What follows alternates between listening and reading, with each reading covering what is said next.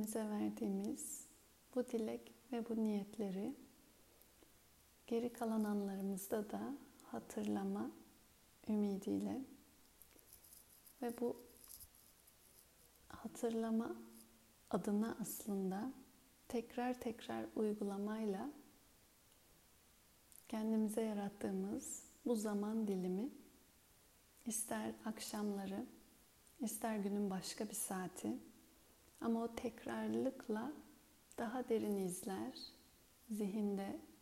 Şu anda içeride bulmaya çalıştığımız koşulsuz dediğimizde aslında zihnin ayrımları olmadan bildikleri, bilmedikleri, tanıdıkları, istedikleri, istemedikleri, tercih ettikleri, etmedikleri bu ayrımlar olmadan tüm canlıları olduğu haliyle kabul edebilme becerisi. Bu elbette daha derininde kişinin kendini olduğu haliyle kabul edebilme becerisiyle ilgili. Zihin ezber veya dışarıdan yargıyla meli malıları oldukça çok olabiliyor bazen. Bu en başta kendi adımıza ve sonra da çevremiz için zorlayıcı ve daha dar alanlara sıkıştıran sonuçlar getirebiliyor. Herhangi bir şeyi yapmalı veya yapmamalı ya da herhangi bir biçimde olmalı ya da olmamalı. Bu saçımızın renginden konuşma biçimimize kadar olabilir. En temelde kendi sahip olduğumuz o hallerimizi melimalılardan bağımsız olduğu haliyle görebilme ve o biçimde kabul edebilme çevremizdeki diğer canlılara da aslında yansıttığımız bir özellik. Şefkat veya sevgi dediğimiz bu çalışmalar veya meditasyon aslında zihni bu kavram üzerine odaklamak ve bu kavramla zihnin içerisinde varsa farklı türlü kayıtları dönüşüme açmak, evriltmek adına. Dolayısıyla sahip olduğumuz başka türlü zihindeki alışkanlıklar ancak böyle tekrarlı kendimize hatırlatmalar bu kavramla kurduğumuz ilişkiyle tekrarlı anımsatmalarla daha kalıcı dönüşüme girebiliyor. Sadece 15 dakikalık, 20 dakikalık haftada bir gün hatırladığım bir fikir veya yaklaşımdan ziyade geri kalan hayatın anlarında da davranışlarımı kendi içimde ve çevremle dönüştürebilen daha derin hayatın her bir anına yerleşmiş bir hale evrilebiliyor. E, bu nedenle aslında şu anda söylediklerimiz kendi kendimize aslında bir e, olumlama dizesi veya cümlesi gibi görünse de sadece sözde kalan bir şey değil, bu daha derin zihinde sahip olduğu bilinçaltı izleri ve kayıtlarıyla da ilgili bir dönüşüme vesile olması adına. Bu yüzden de biz tekrarlı böylesi çalışmalar yapmaya sadhana ismini Sanskrit e, veriyoruz. Kendimizi daha derin bilinçaltı zihinde dönüşüm ve değişimi açmak için. Ve kabul bu kelime şefkat kelimesiyle çok ilişkili. Kabul olduğu haliyle varlıkları veya nitelikleri, sıfatları her neyse görebilme ve benimseyebilme.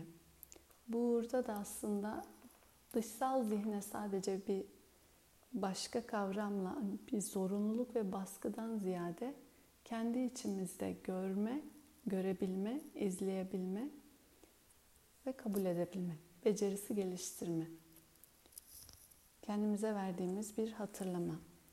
Böylesi bir yerde e, o melimalılarımızdan daha özgürüz. Aslında bu yüzden de ismi özgürleşme. Çünkü dışarıdan gelen tüm bu zihnin kendi ezberleri de olabilir. Şu an bahsettiğimiz gibi bizi daha sıkıştıran aslında hayattaki deneyimlerin ardındaki e, genelde etkiler, sebepler. Okuduğumuz bir kitap var Dhammapa'da ilham olması için aslında kendimize hatırlatmak için bazen pek çok güzel dize var, güzel sözcük var, bildiğimiz pek çok kitap var ama bunları böyle yüksek bir farkındalık, dikkatle az birkaç kelime, sadece bir cümle belki düzenli okumak kişinin kendine biraz önce dediğimiz gibi o bilinçaltı iz, kayıt, değişim, dönüşüm açması için daha kalıcı bu nedenle bir teknik, bir yöntem. Bunu da biraz tanıtma ve hayatımıza e, yerleştirme, alışkanlık olarak yerleştirme adına e, bu buluşmaların amacı. Bilge kişi başlıklı devamında gelen bir bölümümüz var. En son bıraktığımız yerden devam edecek olan. Okuyacağımız dizi aslında demin konuştuklarımız ve başka pek çok yine güzel bu anlamda ilham veren kitaplarda da geçen benzerlikte sıkça belki duyduğumuz bir içerik olacak ama her seferinde yeniden duymaya değer. Bilge Kişi başlıklı bölüm 81. dizesinde diyor ki sağlam kaya nasıl sarsılmıyorsa rüzgarda bilgi olan da öyle sarsılmaz ne övgü ne yergi herhangi bir karşıt veya ikilikten etkilenmez. E, bu kavram duyunca daha önce ahmak kişi diye bir bölüm başlığı vardı. Peşi sıra gelen bölümün başlığı bilge kişi. Aslında bu kavram sadece bir bilgi duymuş olan değil, bilgiyi kendi hayatında davranışlarıyla yansıtan kişiyi kastediyor. Bilge kelimesi özellikle böyle kulağımıza çok duyduğumuz bir kelime, özel bir kelime gibi ama daha derin, daha basit ya da diyelim daha basit içeriği hepimiz için ilham adına ki bunun için de çok güzel dizeleri vardı öncesinde bir rüz çiçek benzetmesi yapmıştı. Söylediğiyle davranışları uyumlu olmayan kişinin sadece kokusu e, ve olmayan böyle yapma bir çiçek gibi göründüğünü söylemişti gerçek bir çiçek en azından birkaç güzel söz veya bilgi biliyorsa onu davranışlarına yansıtan kişi diye bir benzetmesi vardı.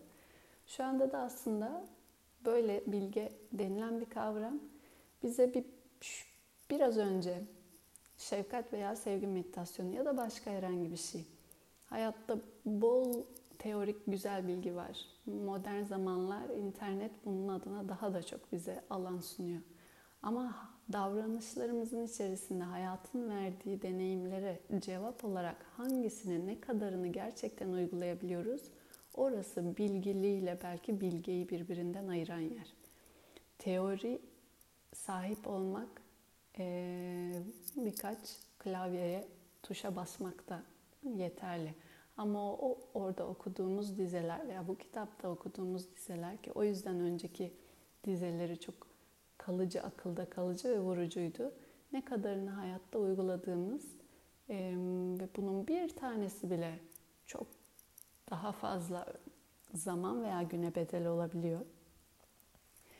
Burada da bilge kavramını böyle belki hatırlamak kendimize yardımcı olabilir.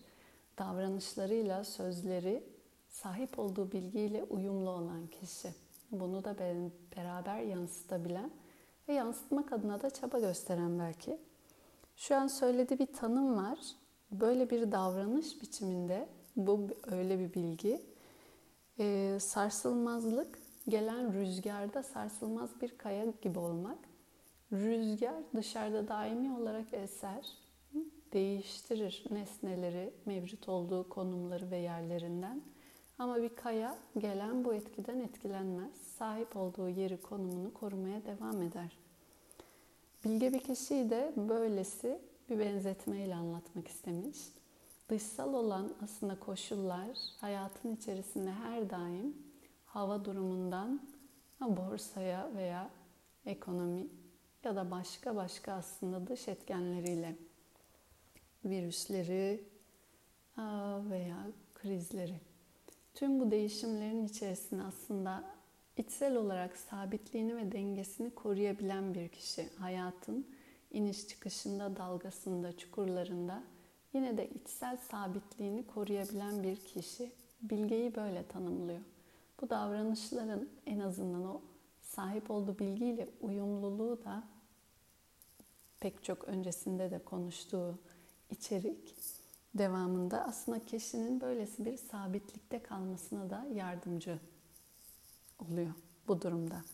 Ve dediği şey aslında dışsal koşul, dışsal tanım, dışsal yargı onun varlığından bir ne bir değer ekler ne bir değer azaltır. Varlığı olduğu haliyle kendi içinde tatminde tam yeterlilikte. Bu yüzden de zaten dışsal bir koşul onun oluş halini kendi üzerinden iyilik veya kötülük halini tanımlayabilecek bir kıstas değil. Bu şu an belki kulağa büyük kelimeler gibi gelebilir.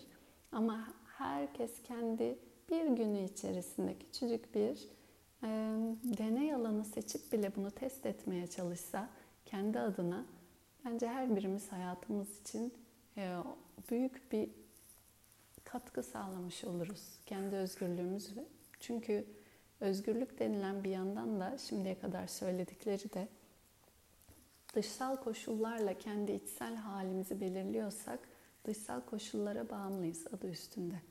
Dışsal bir nesne sizi bir yerde olmanıza, bir tanımda olmanıza, bir halde olmanıza vesile oluyorsa o giderse o zaman siz de olduğunuz yeri kaybedersiniz. Olduğunuz hali kaybedersiniz. Bunun adı mutluluk da olabilir, iyi güzellik de olabilir. Fark etmez. Ama nesneden, dış koşuldan bağımsız bir hal içeride koruyabiliyorsanız o zaman siz koşullardan bağımsızsınız. Yani özgürsünüz.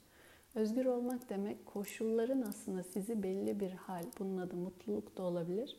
Başka bir şey de içsel bir tatmin ya da tanımlamıyor olması. Tanımınızı siz veriyorsunuz. Bu yüzden önceki konuşmalarla da aslında o melimalılarımız dışsal koşullarla kendi içimizde yarattığımız o koşullu alanlar.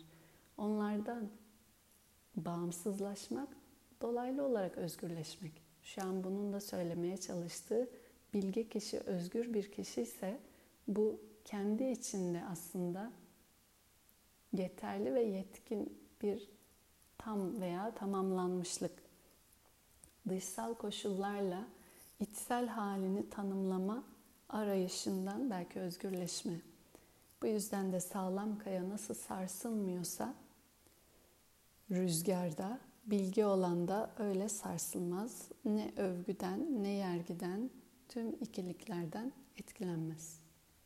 Bize söylediği dize bu. Kendi adımıza da belki bildiğimiz bir bilgi. Şu an belki okunan ama uygulama alanı adına hayat her saniye onlarca test, onlarca sınav getiriyor.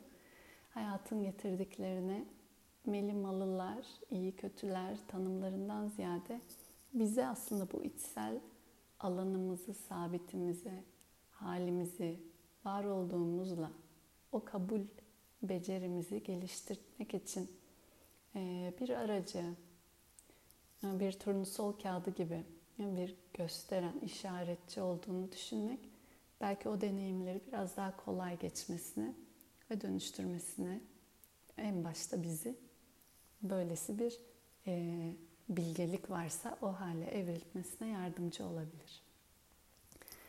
Burada her birimize ilham olması dileğiyle. Herkese iyi geceler olsun. E, Perşembe sabahı tekrar bir meditasyonla Dhammapada okumaya devam edeceğiz. Hoşçakalın.